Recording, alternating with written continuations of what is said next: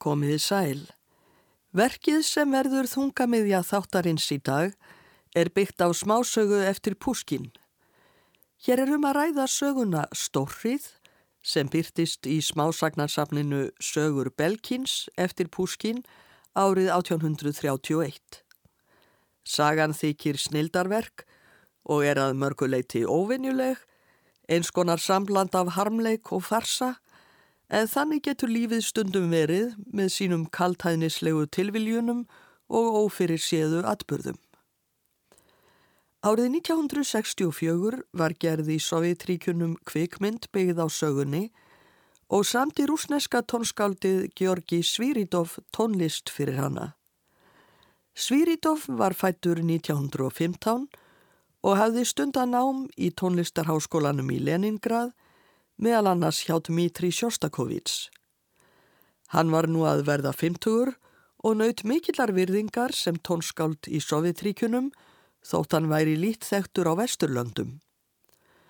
Kórtónlist og sönglög voru mikilvægur hluti tónsmíð hans en hann hafði einnig samið ímiskonar hljóðfæraverk svo sem symfoníur, kvartetta og tríó. Tíu árum eftir gerð kvikmyndarinnar Stórrið samti Svíridof hljómsveitarsvítu upp úr tónlistsinni við hana og verða nokkrir þættir hennar fluttir hér. Svíridof lést árið 1998, 83 ára að aldri. Sagan Stórrið gerist í Rúslandi og hefst árið 1811. Í henni segir frá aðalsmanninum Gavrila Gavrilovits og konu hans, Praskovju Petrónu, en þau eiga eina dóttur, Marju, sem kalluð er Masja. Púskin, höfundur sögunar, segir að Masja hafi verið alin upp á frönskum skálsögum og þar af leiðandi hafði hún verið ástfangin. Eins og títir í skálsögum þessa tíma elskar Masja fátækanmann, ungan fánabera að nafni Vladimir, sem foreldrar hennar vilja alls ekki samþykja sem tengdason. Þau Masja standa í leinilegum brefaskriftum og hittar stundum út í skógi þar sem þau játa hvort öðru ást sína. Að lokum ákveða þau að hlaupast á brott saman og giftast á laun. Svo ætla þau að segja foreldrum Mössju allt saman og vonast til að fá þá fyrirgemningu þeirra. Ákveðið er að Vladimir sendi ekilsinn með hestasleða eftir Mössju og þernu hennar sendum kvöld til þess að flytja þær til kirkjunar í Zadrino. Þar ætlar hann að taka á mótið þeim á samt prestinum. Mössju og þernu hennar tekst að laumast út í sleðan eftir að Masja hefur skilið eftir bref til foreldra sinna. Það er akasvo til kirkjunar. Vladimir hefur allan daginn verið önnum kafin við að útvega viksluvota en það hefur loksins tekist, hann stýgur upp í sleðasinn og heldur af stað til Sadrino. En veðrið versnar svo úrverður ægileg stórrið. Vladimir villist og eftir að hafa ekkið í hríðinni klukkutímum saman við Ídlanleik kemst hann loksins á bænokkun sem er í töluverðri vegalengt frá Sadrino. Örvendingarfullur byður Vladimir um fyldarmann þangað og með honum næran loksins til kirkjunar í Sadrino í dögun. En kirkjan er harðlæst og þar er engin maður. Vladimir flýtir sér til pressetursins og fær þar frétt sem er reyðarslag. Sagan verður nú ekki rakin lengrað sinni en við skulum hlýða á fjóra þætti úr svítunni Stórrið eftir Georgi Sviridov. Fyrsti kaplinn heitir Trojka en það er rúsneskur hestasleði. Þá kemur vals. Þriði þáttur heitir Vor og höst en fjörði þáttur Rómansa og er hann þekktastur af öllum þáttum svítunar.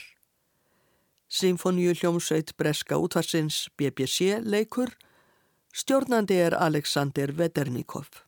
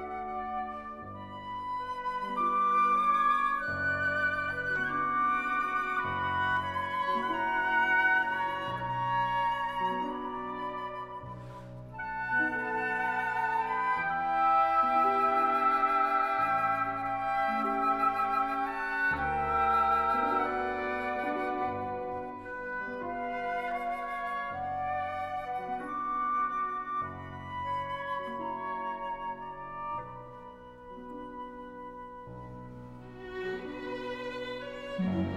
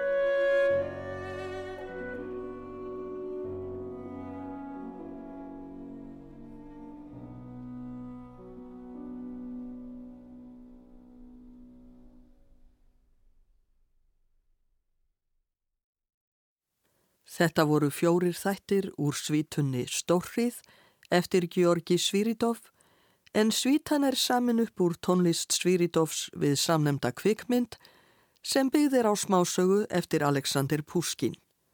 Fyrsti þáttur hétt Trojka, annar Vals, þriðji Vor og Höst og fjórði Rómansa. Symfoníu hljómsveit BBC Ljeg, Alexander Veternikov stjórnaði. Við höldum áfram með söguna og nú víkur henni til óðalseturs foreldra mössju. Morgunin eftir að Masja hljófst á brott til að giftast Vladimir kemur hún nokkuð seint til morgunverðar en kemur þó að lokum og foreldra hennar grunar ekki neitt. Um næturferð hennar vitaðu ekkert því Masja brendi brefið til þeirra um leið og hún kom aftur heim um nóttina. En þetta kvöld veikist Masja alvarlega, liggur lengi á milli heims og helju og talar í óráði um Vladimir. Móðir hennar óttast að veikindin stafi af því að þau fá ekki að eigast og foreldrarnir ákveðaða lokum að láta að vilja elskendanna. Þau skrifa Vladimir og segjast vilja samþykja ráðahægin. En þeim til undrunar fá þau svarbref þar sem Vladimir segist vera ógæfu samastur allra manna og hann muni aldrei framar stíga inn fyrir dyr á heimilið þeirra. Hann þrái aðeins að deyja. Á þessum tíma geysar stríð millir rúsa og frakka, Vladimir gengur í herin og eftir nokkuð tíma berast þær fréttir að hann hafi fallið í orustu. Masja er niður brotinn og veikist aftur en hjarnar þó við að lokum. Tímin líður, faðir Masju deyr og hún býr ein með móður sinni. Margir ungir menn gera hósur sínar grænar fyrir henni en hún tekur þeim fálega og sirgir Vladimir. Svo fer þú að lokum að hún kynnist ungum foringja sem heitir Búrnín. Hann er fölur og hæglátur í framkomu, þótt um það gangi sögur að hann hafi á fyrri árum verið mest í galgopi. Masja hrifst af honum og brátt fer hann að gruna að hann beri til sín ástarhug. En henni finnst Búrnín undarlega hikandi við að láta ást sína í ljós. Loks er það einn dag að búrnín kemur einslega að máli við hana og léttir á hjarta sínu. Hann segist elska hana en hann sé ekki hennar verður, hann sé þegar kvæntur og það versta sé að hann vit ekki einu sinni hvað konan sín heiti. Masja er forviða en Búrlín segir að í áspyrjun 1812 hafa hann verið á leið til herdeldar sinnar en vilst í stórrið. Hann hafi séð ljós í kirkju í litlu þorpi og numið staðar þar fyrir utan en þá hafi hópur fólk strefið hann inn og spurt af hverju hann kæmi svona seint, stúlkan væri nær dauða en lífi af örvendingu. Í kirkjunni sér búrnin unga brúði sitt hjá bekk, hún stendur upp þegar hann kemur en svo skuggsýnt er í kirkjunni að hann sér hann ekki almennilega. Presturinn spyr hvort hann eigi ekki að hefja hjónavíksluna. Búrnín er léttúður og kærulaus og svarar prestinum játandi. Þau eru síðan við saman en þegar búrnín liftir blæjunni til þess að kissa brúðina, rekkur hún undan og hrópar Nei, þetta er ekki hann. Búrnín segist þá hafa haft sig á brott í skyndi. Við skulum nú heyra endalóksögunar í þýðingu Rebekku Þráinsdóttur. Guðminn góður, kallaði Marja Gavrilovna og þér vitið ekki hvað varðum vesalings eiginkonu yðar. Nei, það veit ég ekki, svaraði búr mín. Ég veit ekki hvað þorpið heitir þar sem ég kvæntist og man ekki heldur hvað poststöðin hétt. Á þessum tíma lagði ég svo lítið upp úr alvarleg stráka para minna að þegar við vorum farnir frá kirkjunni, sopnaði ég og vaknaði ekki fyrir undir morgun næsta dag á þriðju stöðinni. Þjóttnin sem ég þá hafði dó í herförni og því hef ég ekki minnstu vonum að hafa upp á konunni sem ég hættist svo grimmilega að og sem nú hefnir sín af jafn mikill í grimt. Guðminn góður, Guðminn góður, sagði Marja Gavrilovna og tók í höndars. Svo þetta voru þá þér og þekki þér mig ekki. Búr mín fölnaði og kastaði sér að fótum hennar. Þannig líkur sögunni stórrið eftir púskin og við skulum þá hlýða á lokakablana þrjá úr svítunni stórrið eftir Sviridov. Sjöndi þáttur svítunnar heitir Hjónavíkslan og er hægur og angurvær. Þá kemur áttundi þáttur, endur ómur af valsi og hljómar þá aftur stefið úr valsi annars þáttar. Níundi kablin, lokakabli svítunnar, heitir Vetrarvegur og má þá aftur heyra sleðastefið úr fyrsta kabla.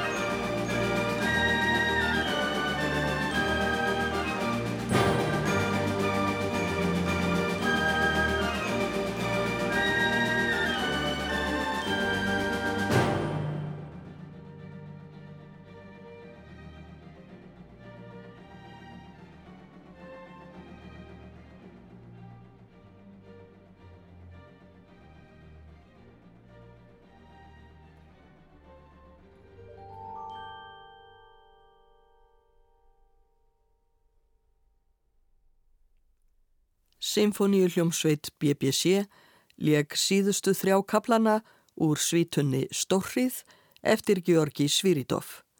Kaplanir héttu Hjónavíkslan, Endurómur af Valsi og Vetrarvegur. Hljómsveitarstjóri var Alexander Veternikov. Sem motto fyrir sögunni Stórrið notar Púskin tilvittnun í söguljóðið Svetlana eftir Vasili Zúkovski, ljóð sem byrtist á prenti árið 1813. Svetlana var byggð á öðru söguljóði Þísku, Lenore eftir Þíska átjándardarskáldið Gottfríd Ágúst Bürger. Söguþráðurinn í Lenore er nokkuð svipaður íslensku þjóðsögunni um djáknan á Myrká Stúlkan heldur að unnusti sinn sé komin að sækja sig og fer á bak hesti hans en áfangarstaður þeirra reynist vera kirkjugarðurinn því það er dauðin sem komin er. Öfugt við djáknan á Myrká endar Lenore sorglega með dauðastúlkunar. Í ballauðinni Svetlana eftir Zúkovski reynist förin í kirkjugarðin hins vegar aðeins vera vondur draumur, stúlkan vaknar og allt fer vel. Og einnig fer allt vel í sögu Púskins þar sem gert er góðlátlegt grín að dramatískum söguljóðum eins og Lenore. Lenore varð afar vinnselt kvæði og varð ímsum tónskáldum innblástur. Eitt þeirra var þísk-svisneski tónsmiðurinn Jóakim Raff en hann let 50 symfoníu sína heita Lenore. Symfónían var samin á árunum 1870 til 72. Þættirnir eru fjórir og hafa yfirskriftir sem vísa til sögunar. Hér verður nú fluttur fyrsti þáttur symfóníunar sem heitir Ástarsæla og fjallar um þann tíma þegar allt leikur í lindi hjá elskendunum.